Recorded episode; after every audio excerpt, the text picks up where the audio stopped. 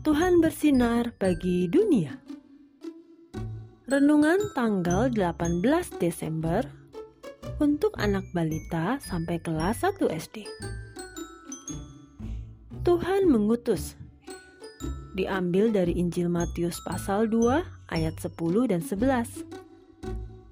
Ketika mereka melihat bintang itu, sangat bersukacitalah mereka. Maka masuklah mereka ke dalam rumah itu dan melihat anak itu bersama Maria, ibunya, lalu sujud menyembah dia. Adik-adik masih ingat cerita yang kemarin? Nah, sekarang kita lanjutkan ya. Orang-orang Majus pun meneruskan perjalanan mereka mencari Tuhan Yesus. Mereka mengikuti bintang tersebut.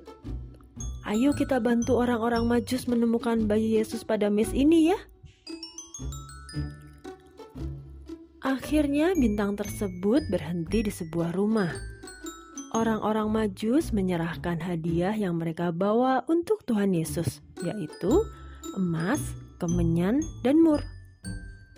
Pada saat itu bayi Yesus sudah bukan bayi lagi, tetapi sudah berusia kira-kira dua tahun loh. Nah, adik-adik, orang-orang Majus menghormati Tuhan Yesus yang masih kecil, bahkan memberikan hadiah mereka sungguh rendah hati dan beriman ya. Ayo, adik-adik ingat gak? Hadiah apa yang diberikan oleh orang majus kepada bayi Yesus? Yuk kita berdoa. Tuhan Yesus, terima kasih atas firman-Mu hari ini.